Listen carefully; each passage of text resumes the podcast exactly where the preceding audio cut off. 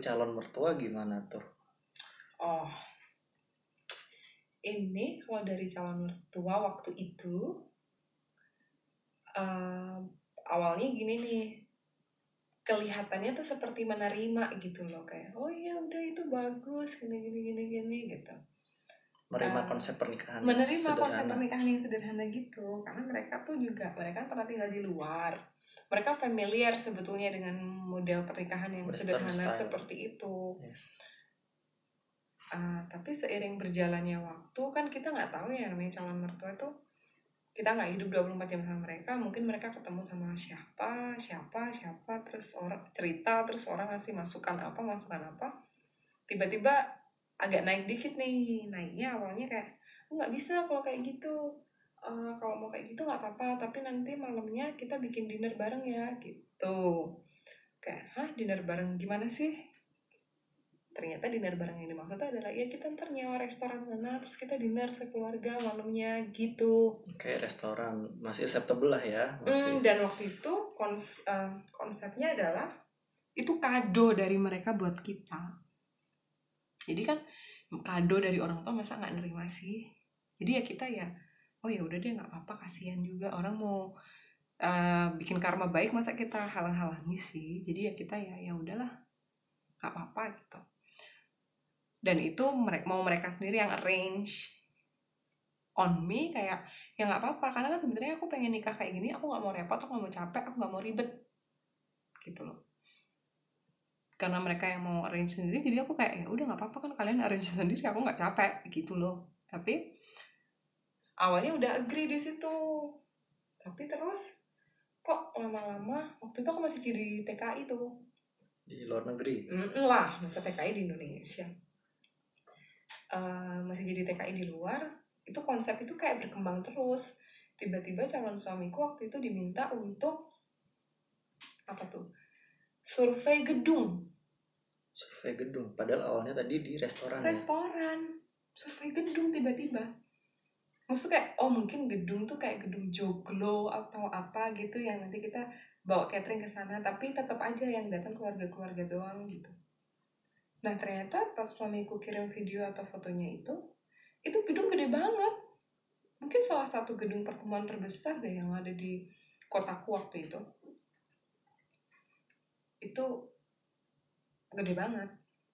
Yang kapasitasnya bisa kayak kalau standing party itu 2000 apa ya katanya itu gedung buat acara nikahan apa buat konser itu? Kayak kat- katanya pernah dipakai buat konser. Jadi ngerti kan ada beberapa gereja yang mereka modelnya konser-konser apa gitu? Oh Kan KKR? KKR, KKR gitu, gitu, ya. Widi. Nah itu gede banget. Terus kan aku mikir kayak loh kalau cuma keluarga-keluarga doang why? Ini aku udah curiga nih karena sebetulnya kan ya aku pacaran tujuh tahun sama suamiku. Aku dan suamiku sama-sama paham bahwa orang tuanya itu memang modelnya gitu. Maksudnya kayak eh, kalau orang Jawa bilang tuh mindek-mindek gitu loh. Jadi kayak eh, dikit-dikit dikit-dikit dikit-dikit kayak mau membujuk kita dikit-dikit dikit-dikit dikit-dikit tapi nanti ujungnya tuh sebenarnya adalah resepsi. Gitu tapi kalau ya orang-orang Jawa lah Iya, mereka nggak mau bilang bahwa aku mau bikin resepsi karena mungkin mereka tahu kita akan tolak mentah-mentah, tapi gitu caranya Nggak pelan-pelan, berani straightforward. nggak berani straightforward gitu loh. yes Karena mereka tahu kalau mereka straightforward, kita juga akan very straightforwardly bilang No. no, gitu loh. Terus, loh kok gedung kayak gini? Terus habis itu eh, nggak lama kemudian aku masih di ini masih di tempat merantau itu. itu aku tiba-tiba dikirimin spreadsheet isinya adalah daftar undangan. Ada berapa undangan waktu itu? Undangan daftar undangannya adalah 300 300 undangan? Orang. Eh orang apa undangan ya? Lupa deh. Pokoknya sekitar itu lah wow. Itu banyak banget. Eh undangan undangan. Ingat undangan. 300 undangan berarti perkiraan sekitar 700 800 orang Mm-mm. yang akan datang ya? Mm-mm. gila nggak maksudnya loh kalau keluarga dekat nggak kayak gini caranya. Kan gitu kalau emang mau konsepnya cuma acara syukuran dan kado buat kita ya harusnya yang undang kita dong enggak iya tapi ternyata itu yang undang mereka dan undangan-undangan mereka dan itu 300 undangan. It is wedding reception gitu loh. Terus habis itu aku langsung kayak ngomong sama suamiku kok kayak gini sih? Nggak bisa dong kalau kayak gini. Terus tapi akhirnya kayak aku sama suami ya udahlah biarin aja biarin aja gitu loh. Karena kan ya siapa tahu itu adalah kebahagiaan orang tua yang mungkin kita harus bantu untuk apa Penuhi. persu ah, untuk ya penuhin gitu. Terus hmm, akhirnya lama kelamaan kok to be honest banyak hal yang aku nggak nggak suka. Karena sebetulnya waktu acara lamaran itu kan ada lamaran tetap ya. Iya. Di acara lamaran itu sebetulnya kedua pihak keluarga udah tahu kok konsep kita kayak apa mau tanggal berapa gitu. Kedua belah pihak sudah agree setuju iya konsep udah itu. setuju. Terus eh, aku ingat banget orang tuanya suamiku itu bilang ke ibuku bu nanti untuk acara nikahannya biar anak-anak biar urusan anak-anak aja ya kita nggak usah ikut-ikutan ya gitu. Gitu-gitu. Aku waktu itu ya masih mikir positif lah kayak oh iya kayak ibunya suamiku ini berusaha untuk meyakinkan ibuku bahwa udah yuk kita kasih ke anak-anak aja gitu. Waktu itu pikiran positifku ke arah sana gitu. Meskipun mbak-mbakku bilang kok kayak gitu sih? Kok dia jadi ngatur-ngatur ibu? Maksudnya jadi ngatur-ngatur ibuku. Pihak perempuan Ah, harusnya pihak memiliki perempuan acara. yang harusnya kan punya acara kan kalau orang Jawa bilang kok jadi ngatur-ngatur ibuku? Ya bebas dong ibuku mau ngapain gitu. Terus habis itu kok aku aku di luar kan waktu itu. Nah kok ternyata baru ke reveal nih ibuku bilang satu-satu karena kami sempat satu gereja kan ibuku baru nge-reveal satu persatu kayak gini eh, ibuku pernah ketemu di salah satu acara di gereja. Terus eh, beliau nih ibunya suamiku tuh bilang ke ibuku "Eh, untuk acara yang malam itu yang diundang ini kok dikit kok. Dikit aja. Pokoknya keluarga-keluarga yang deket banget aja. Keluarga yang deket aja. Itu pun apa sih dia bilang? Itu pun s- eh, aku pun itu cuma ngundang keluarga-keluarga yang ada di Jogja. Yang di luar Jogja kami nggak undang. Sepupu-sepupunya suamiku berarti sepupu-sepupunya bapaknya suamiku ya. Sepupu-sepupunya suamiku juga yang diundang cuma yang di Jogja. Yang di luar Jogja nggak diundang. Gitu. Ibuku tersinggung dong. Ibuku ngerasa di direct as if ibuku nggak boleh ngundang Yang siapa siapa tapi kan waktu itu aku juga belum nge-reveal ke ibuku bahwa aku udah punya list undangan mereka yang jumlahnya 300 orang.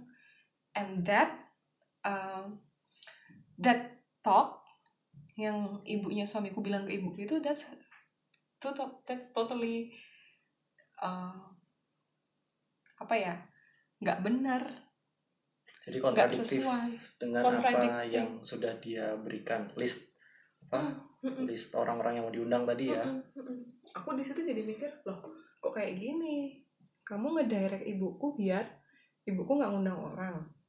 Tapi padahal at the same time kamu tuh udah ngirim ke aku list undangan undanganmu yang itu banyak banget gila. Mbakku yang nomor satu dan nomor dua nikah aja itu 300 undangan itu udah dari semua pihak loh. Maksudnya dari temannya mbakku, temannya suaminya, keluarganya mbakku, keluarga suaminya kan kacau ya kalau kayak gitu. Itu aku udah ngeliat oh, kok kayak gini sih caranya? Gitu. Terus lama kelamaan kok orang tuanya itu untuk acara yang malam itu demanding banget. Demandingnya gimana gini nih kan konsep awalnya dia bilang itu kado. Iya. Kalau kado kan ya berarti either either kamu kasih duitnya terus yaudah sana terserah dia mau buat apa gitu. Atau ya udah kamu bikinin acara terus kita mau nggak mau terima jadi gitu. Itu tuh enggak. Jadi dia bilang itu kado tapi aku harus arrange acaranya. Tambah capek dong gitu. Sesuai dengan yang dia mau. Ininya gini ininya gini cateringnya ini cateringnya itu. Very exhausting. Sementara aku bukan tipe orang yang bisa di kayak gituin. Maksudnya di keluarga aku sendiri pun culture itu tuh kan nggak ada. Ibuku tuh nggak pernah ngedirect bapakku nggak pernah ngedirect. Jadi pas begitu ketemu ini why would you? gitu. Kalau kamu masih kado kasih aja duit terserah kita mau pakai buat apa dan segala macam kan. Itu enggak. Jadi ya waktu itu udah kesel kok demanding banget. Terus hmm, mulai tuh. Akhirnya aku sama suamiku memutuskan untuk menolak acara resepsi itu. Ditolak wow itu kan konsekuensinya pasti besar banget tuh. Besar karena habis itu uh, kan beliau itu menjanjikan nih aku buka angkanya aja ya. Beliau itu menjanjikan untuk acara resepsi malam itu bisa kasih sekitar 100 sampai 150 juta. Satu mobil loh itu ya? Mm -mm. Oh. tapi do not think it's much ya. Itu tuh kecil kalau kamu nikah di gedung yang kayak gitu. Karena paham nggak? Kalau gedungnya itu gede otomatis dekorasinya tambah banyak. mahal. Mahal karena apa? Karena space yang harus diisi dengan dekorasi makin banyak kan. Makin sophisticated kan.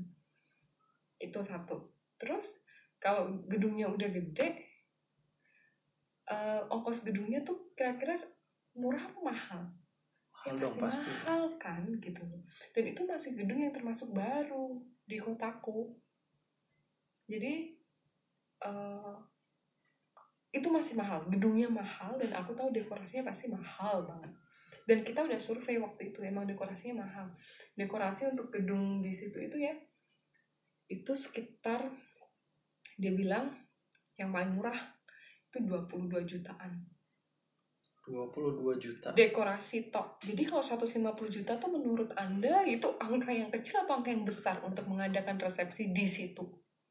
Ya kurang sih. Ya, kurang lah. Maksudnya kayak uh, souvenir ya nggak? Belum souvenir belum nyetak undangan. Souvenir yang dia mau apa tau nggak? Souvenir yang mungkin harganya kalau aku beli tuh satu satu piece-nya tuh kayak dua puluh dua puluh lima ribu dua puluh lima ribu kali. Kali katakanlah undangan dia tok itu tiga ratus. tiga ratus. Terus dia nyuruh kita undang-undang orang juga. Baik banget tuh. Ya berapa itu aja? Mana Wah. cukup di 150 juta kan? Kesel kan? Mesti catering aja. Loh cateringku aja yang buat acara kemarin itu itu habis sekitar dua acara ya. Karena kan yang malam Bridgestone pemberkatan itu sama yang habis Pagi, pemberkatannya pas siangnya itu. Itu untuk dua acara itu aja aku habis sekitar tujuh puluhan juta. Enggak ding ding sorry maaf sorry. Oh, aduh berapa ya? enam puluhan. Wow. enam puluhan. Bayangin. Nah kalau gedung segede itu undangan tiga ratus orang. Hmm. eh sorry tiga ratus undangan dan itu hmm. belum semuanya. Oh, berapa itu? Berapa? 200 300 nah ya kan? makanya kalau aku dengar dari teman-temanku sih rata-rata mereka nikahan tuh ya habisnya sekitar 200 300 gitu. Itu mah bisa buat DP rumah tuh di Jakarta hmm, ya? exactly ya? exactly. Makanya terus habis itu karena kok demanding kok aku dan suamiku yang bercita-cita nikah nikahan kami itu simple nggak ribet terus simple nggak ribet nggak nyapain orang gitu kan. Kok jadi kayak gini terus akhirnya kami berdua memutuskan untuk dari 150 juta itu tadi sempat ditransfer ke suamiku 20 juta apa ya? 7 juta. Oh 20 juta. Sempat ditransfer 20 juta di awal terus habis itu aku suruh suamiku tuh untuk udah kembaliin aja. Suamiku agree iya dah kembaliin aja daripada kita harus jadi capek susah. Karena waktu itu suamiku kerja di Jakarta. Aku sendirian ngadepin orang tuanya. Repot ya maksudku? Udah nggak bisa. Aku bilang aku nggak bisa. Kalau kamu mau kamu urusin. Dan suamiku nggak mau. Terus yaudah deh kita balikin aja duitnya. Akhirnya aku WhatsApp tuh mamanya.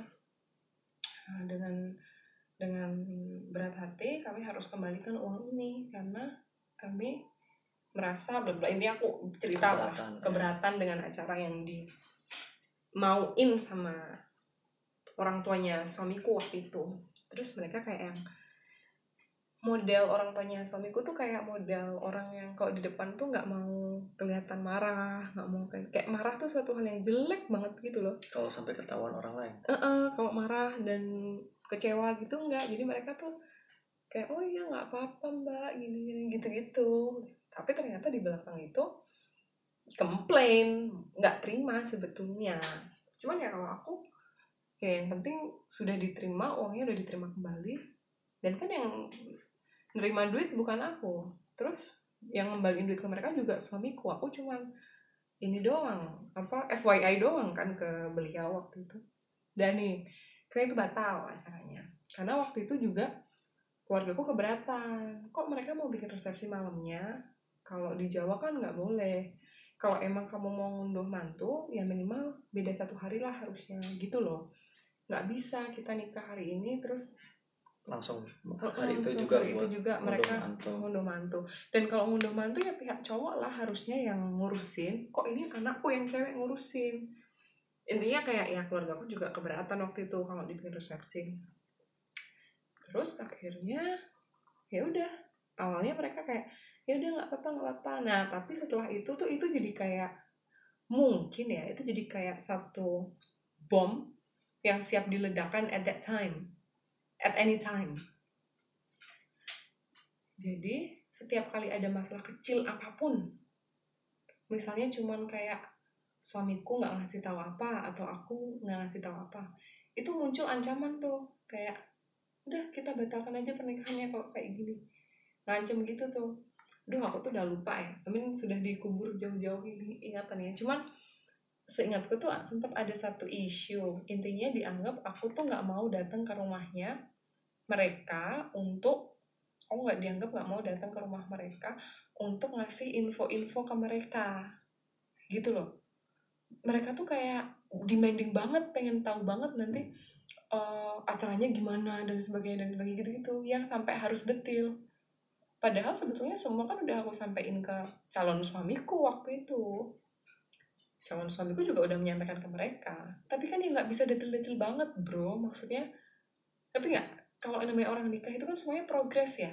Detailnya itu kan dia nanti. Ya gitu. itu no policy lah. Iya dan terus kan mereka pihak cowok. Emangnya kalau pihak cowok itu kan terima nasib. terima nasib ya bukan terima nasib juga tapi maksudnya ya udah datang aja gitu yes. gitu kan mereka tahu apa yang mereka mau pakai uh, acaranya kayak mana ya mereka datang aja lah. Cuman waktu itu tuh kita berdua sama sekali nggak paham yang dimauin sama orang tuanya dia itu tuh apa gitu loh. Informasi yang sampai kayak mana gitu. Karena keluarga aku aja nggak nanyain sampai segitunya tapi mereka nanyain dan harus tahu sesuatu yang aku nggak bisa fulfill kan kalau kayak gitu.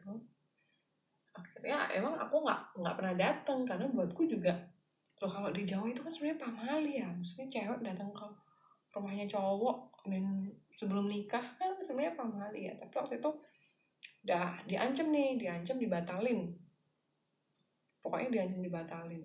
Aku semakin digituin aku semakin nggak respect dong. Tapi waktu itu calon suamiku mohon-mohon udah lah nggak apa-apa diturutin lah sekali ini datang ke sana. Gitu terus terus aku datang ke sana suruh ngapain? Aku bilang gitu. Minta maaf. Lah which mistake I have made? Nggak ada aku nggak ngerasa berbuat salah apa pun. nggak ngapa-ngapain gitu loh. Info yang mereka butuhin aku kasih ke calon suamiku suamiku udah kasih tahu ke mereka. Info yang mereka butuhin tapi belum ada ya emang karena belum ada. Dan orang tuaku juga belum tahu. Gitu dan aku pun mungkin juga belum tahu. Itu. Terus dianggap terus kan aku bilang sama suamiku aku emang sempat bilang sih loh kalau di Jawa itu pihak cowok itu pihak yang manut. Artinya ya pihak cewek mau bikin acara kayak apa kayak gimana kayak gimana mereka ngikut dulu. Ya. perkara nanti mereka mau ngunduh mantu mereka mau bikin acara sendiri ya sebaliknya kita yang pihak cewek akan manut sama mereka. Gitu loh. Terus um, waktu itu dari yang tadinya aku masih mikir positif positif nih jadi pikirannya udah jelek banget. Kok kayak gini sih? Udah mereka nggak ngasih uang apa apa kan kalau namanya orang Jawa nikah itu kan waktu lamaran harusnya ada serah-serahan. Ini nggak ada seserahan. Terus apa sih? Uang ini loh. Uang mahar ya kalau orang. Eh yeah. kok mahar sih? Uang apa sih? Kalau orang juga bilang tuh asok tuh kon. Jadi emang uangnya dikasih ke pihak cewek gitu loh. Itu nggak ada. Jadi udah mereka nggak ngasih duit apa apa mereka demanding. Kan kesel ya. Udah gitu aku dipaksa untuk datang ke rumah mertuaku itu untuk minta maaf. Waktu itu calon? Waktu itu calon. Hmm. terus mereka minta maaf for something I don't know. Nah ternyata uh, tujuannya adalah aku diminta untuk datang untuk ngundang mereka. Lucu. Ke acara pernikahan. Ke acara pernikahan anaknya mereka. sendiri. Itu agak nggak masuk akal gimana? sih. Itu jadi aku disuruh datang ke acara eh, ke rumah mereka untuk ngundang mereka. Datang ke acara nikahan anak mereka. Lucu nggak? Sama minta maaf. Terus aku bilang sama calon suamiku waktu itu I'll come. Aku bakalan datang but I will not invite them aku nggak akan ngundang mereka aku juga nggak akan minta maaf sama mereka for I don't know which mistake I have made. For I don't know why aku harus ngundang orang tuanya suamiku datang ke acara nikahan anak mereka sendiri. Kan lucu ya. Jadi waktu itu akhirnya aku datang. Itu kondisinya kayaknya suamiku udah pergi dari rumah deh. Maksudnya maksudnya dia lagi pulang ke rumah dari Jakarta tapi nggak tidur di rumah karena kayaknya dia udah emang udah Sama- capek sama mungkin ya karena orang ya. tuanya gitu-gituin dia. Terus akhirnya aku datang ke rumah itu sama calon suamiku. Pas datang eh mungkin ini beda ya. Kalau cewek-cewek lain tuh mungkin kalau datang ke rumah mertua calon mertua itu kayak dimanis-manisin iya iya gitu. Yang penting pokoknya diterima gitu. Tapi emang aku tuh bukan orang yang gitu. Maksudku kayak ya orang anakmu mau sama aku. Mau apa? Ya kan? Terus maksudnya kayak ya it's okay kalau kamu nggak suka sama aku juga nggak apa-apa gitu loh. Jadi waktu itu aku datang karena aku emang posisinya marah ya. Maksudnya marah tuh kenapa sih? Gitu. Kenapa harus ngancem dibatalin pernikahannya? Kenapa aku harus minta maaf untuk hal yang aku nggak pernah tahu? Kenapa aku harus datang ke rumah calon suamiku? Kenapa aku harus ngundang mereka? Kayak those um, nonsense things itu kenapa harus aku lakukan? Tapi akhirnya aku datang aku nggak undang aku bilang. Tapi aku terang-terangan bilang kalau bapak ibu mengharapkan saya mengundang bapak ibu ke pernikahan anak bapak ibu sendiri saya tidak akan pernah lakukan. Saya ke sini hanya untuk memberitahu bahwa saya dan anak bapak ibu akan menikah di tanggal sekian sekian sekian bahwa bapak ibu berkenan hadir silahkan bapak ibu tidak berkenan hadir tidak apa-apa. Aku bilang gitu. Karena dalam pernikahan Kristen, uh, tugas orang tua itu hanya menyaksikan. I mean, unlike pernikahan secara muslim ya, yang orang tuanya menikahkan kan. Orang tua atau walinya kan menikahkan. Kok di Kristen itu kan orang tua sifatnya menyaksikan.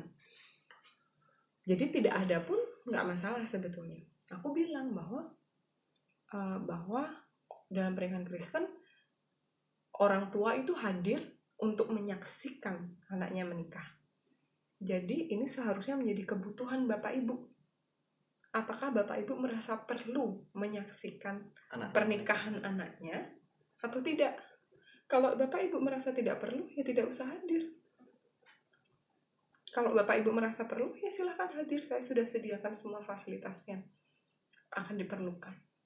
Aku bilang gitu.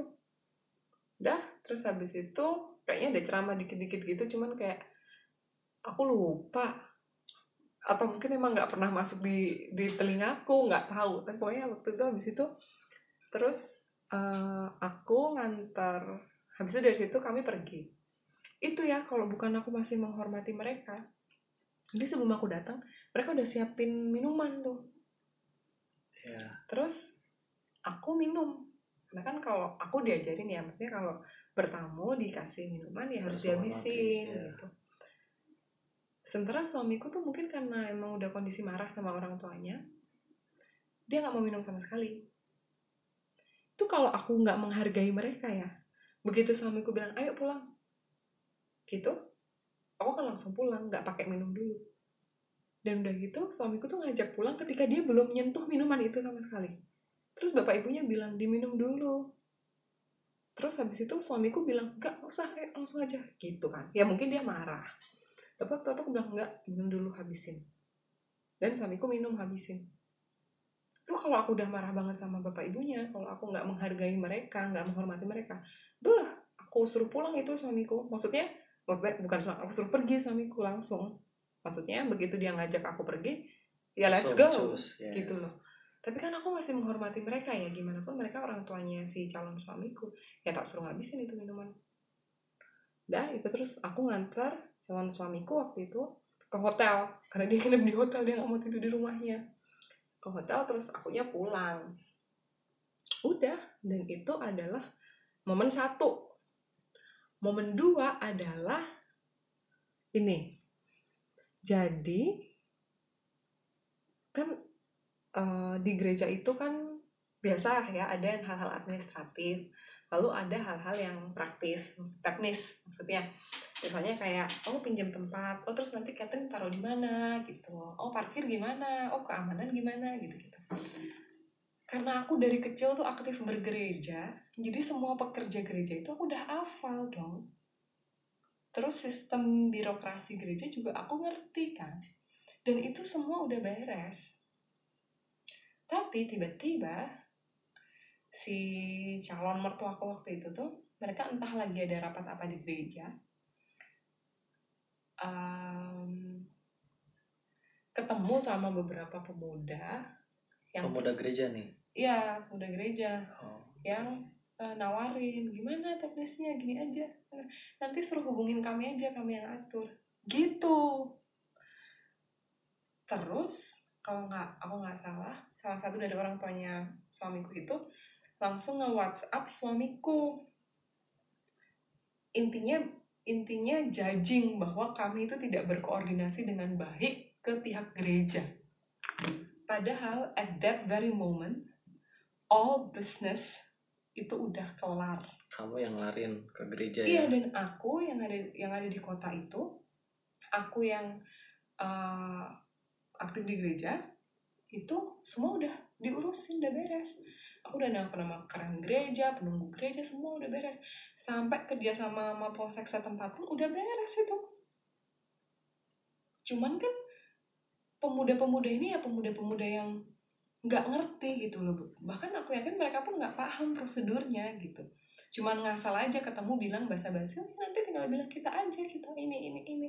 Tapi maybe his parents took it seriously terus langsung judging bahwa aku nggak berkoordinasi dengan baik ke pihak gereja bla bla bla bla bla. Nggak bisa komunikasi bla bla bla bla bla. Wah itu aku nggak terima.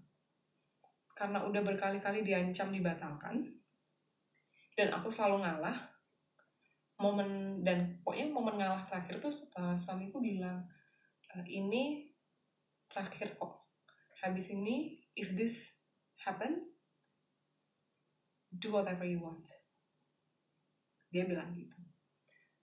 Terus karena itu terjadi lagi suamiku nge-forward chatnya ke aku nge-forward chat orang tuanya ke dia di forward ke aku jadi aku baca dan menurutku itu very judging sangat sangat menyudutkan dan kayak aku kok di situ disalahin lagi dan di situ ada ancaman pembatalan lagi. Dan aku telepon. "Eh, gimana sih gini gini Telepon siapa nih? telepon ke ibunya. Ibunya calon ibunya suamimu calon suamiku iya "Eh, kok gini gini gini? Aku bilang gitu. Oh iya itu kan tadi apalah pokoknya ibunya beralasan macam-macam gitu. Terus aku bilang kok kayaknya gini banget? Maksudnya sampai berkali-kali berusaha untuk membatalkan sebetulnya tuh kami direstui enggak. Aku bilang gitu. Terus eh, ibunya jawab loh kalau kami merestui lah bapak bapak ibu itu mau menerima saya atau enggak? Aku bilang gitu terus dibilang loh kami mau menerima. Sekarang pertanyaannya apakah mbak juga mau menerima bapak ibu sebagai orang tuanya? Ditanyain gitu. Dalam hati tuh ya aku pengen bilang enggak lah. Gitu kan. Cuman kan nggak mungkin ya. Iya. Terus, akhirnya aku bilang waktu itu loh bu eh, jodoh itu rezeki saya nggak bisa milih. Aku bilang gitu. Kalau emang saya jodohnya sama anak ibu yang bisa saya pilih itu antara saya mau atau enggak nikah sama anaknya ibu. Bukan sama ibu. Bukan sama ibu. Aku bilang gitu. Maksudku aku bisa milih suamiku tapi aku nggak bisa milih mertuaku karena it comes in one package. Jadi kalau aku mau nikah sama suamiku menerima orang tuanya atau tidak itu bukan pilihan. Itu kewajiban itu keharusan. kayak konsekuensi. Oh ya ya ya nggak sih? Ya Iya gak sih? Maksudnya kalau suami nih, misalnya secinta-cintanya kita sama orang, kan tetap aja kita bisa pilih untuk ah nggak usah nikah deh, bisa kan? Gitu. Tapi kalau mertua itu kan bukan bukan pilihan lagi. I mean, I mean kalau kita udah milih suami, ya mau nggak mau ada orang tuanya suami kan, suaminya juga nggak keluar dari batu kan. Jadi yang nerima orang tuanya suami itu konsekuensi bukan pilihan gitu loh jadi kan aku bilang itu sebuah konsekuensi bu. Saya nggak bisa pilih. Ya harusnya sih dia paham ya bahwa sebenarnya jawabanku adalah enggak kan? Berarti kalau kayak gitu. Terus tapi waktu itu beliau bilang oh ya sudah gini gini intinya gitu. Terus aku bilang semuanya itu udah beres gini gini. Silakan aja ibu tanya ke gereja apa yang belum beres? Semuanya udah beres. Akhirnya itu pokoknya intinya di telepon itu terjadi diskusi yang enggak panas. Panas tapi panasnya di aku. Maksudnya aku marah-marah ibunya kayak yang mencoba untuk kalem Stay cool. tenang stay cool kayak menerima gitu-gitu. Nah aku itu di akhir telepon minta maaf. Artinya aku bilang kayak ya saya minta maaf ya bu. Kalau omongan saya ada yang tidak berkenan saya hanya ingin menyampaikan ini supaya semua kedua belah pihak bisa jalan sama-sama enak. Aku bilang gitu. Eh, terus eh, dia bilang oh iya nggak apa-apa kok mbak gitu. Terus ditutup teleponnya. Nah kan terus habis itu mereka beberapa kali ketemu untuk ketemu orang tuaku. Tanpa Oh. sepengetahuanku. Tapi kan orang tuaku bilang dong sama aku tuh ini orang tuanya cal- calon mertuamu ngajakin kita ketemu. Ya udah sana ya aku bilang gitulah. Pertama diajak makan ke sini diajak makan ke sana intinya waktu diajak makan itu mereka mau ngasihin duit si asok tukon itu tadi loh. Karena mungkin mungkin mereka ngerasa mereka diperlakukan seperti ini sama calon menantunya itu karena mereka nggak ngasih duit. Matre dipikirnya tuh gitu. kayak aku tuh matre karena karena aku nggak nerima duit dari mereka ya mereka nggak boleh ngatur-ngatur aku seolah-olah gitu loh terus dengan ngasih duit bisa diatur gitu. Nah harapannya gitu. Wih. nah mungkin mereka tuh lupa bahwa ketika mereka mau bikinin kita resepsi mereka udah ngasih uang dan itu kita balikin. Ngerti kan? Gitu loh. Jadi terus akhirnya aku bilang udah ibu pergi aja. Terus akhirnya mereka ketemu sama orang tuaku ngobrol ini mau ngasih duit itu. Ibuku dong nggak. Ibuku tuh orang bodoh sebetulnya. Maksudnya bukan orang yang berpendidikan tinggi atau gimana gitu ibuku bilang gini oh ya nggak apa-apa kalau memang mau diberikan orang itu memang kalau di adat Jawa itu harus ada nggak apa-apa berikan aja. Oh ya kalau gitu kapan kita bisa ke rumah untuk ngasih ngasihin itu? Terus bilang oh iya tanggal segini oh, oh ya monggo aja mau kapan? Gitu kan? Udah Eh, udah eh, udah tuh ya udah besok kita kabarin. Belum keluar tuh tanggal berapa mereka mau ke rumah. Nah terus mereka tuh ke rumah tuh kalau nggak salah nggak salah nih ya itu sekitar tiga minggu sebelum hari H H minus tiga minggu. Mereka datang ke rumah. H minus tiga minggu itu di hari itu aku ada janjian sama penjahit. Penjahit baju nikah? Penjahit kebaya nikah aku janjian sama penjahit itu udah tiga bulan sebelumnya. Maksudnya ketika aku masukin kain penjahitnya udah bilang nanti datang tanggal sekian ya untuk ini ini. Ini." penjahitnya tuh ada di kota lain yang kalau berperjalanan dari tempatku itu sekitar satu seperempat jam naik motor. Ada time terus aku naik motor. Cewek nih naik motor nih iya. satu seperempat jam oh, uh-uh, biasa sih. Maksudnya emang dari dulu nggak apa-apa kayak gitu. Oh, wow. Terus naik motor satu seperempat jam ke rumah kakakku karena rumah kakakku tuh deket sama penjahit itu dan penjahit itu adalah hasil rekomendasi kakakku. Terus udah eh, aku di rumah kakakku nih. Nah karena di hari itu eh, kalau nggak salah tiga hari sebelumnya memang si tiga atau dua hari sebelumnya ya itu si orang tuanya suamiku udah ngabarin orang tuaku bahwa akan datang ke rumah ketemu dengan orang tuaku tanggal itu. Di tanggal aku pergi ke menjahit tapi kan they didn't mention they wanted to meet me kan? Iya. They said they want to meet my jadi orang tua sama orang tua. iya. Jadi salah nggak kalau aku pergi? Ya nggak ada dong. Nggak ya ada enggak dong salahnya karena di situ nggak ada nggak ada dibilang mau ketemu sama aku dibilangnya mau ketemu sama orang bapak tua. ibuku. Ya udah dong. Terus akhirnya aku pergi ke penjahit. Nah karena aku pergi ke penjahit ibuku kan nggak bapak ibuku nggak ada yang bantuin di rumah. Maksudnya nggak ada yang bantuin untuk nyiap nyiapin menjamu mereka gitu loh. Akhirnya mbakku yang punya rumah itu pergilah ke rumahku. Mbakku berarti yang keren nih? tukeran. Jadi aku nungguin anak-anaknya di rumah terus dia ke rumahku untuk masak dan segala macam terus anak-anaknya ini aku ajak penjahit aku fitting dan segala macam nah pas selesai dari penjahit maksudku kan aku bisa langsung pulang ke rumah kan? Tapi ternyata suaminya kakakku itu anak bapaknya si bocah-bocah yang lagi aku tungguin itu lembur. Hmm, jadi kan aku nggak bisa langsung pulang ke iya nggak bisa langsung pulang ke venue di mana ada pertemuan itu antara kan. orang tua itu ya. Antar orang tua itu. Jadi ya udah mau nggak mau aku nungguin anak-anaknya.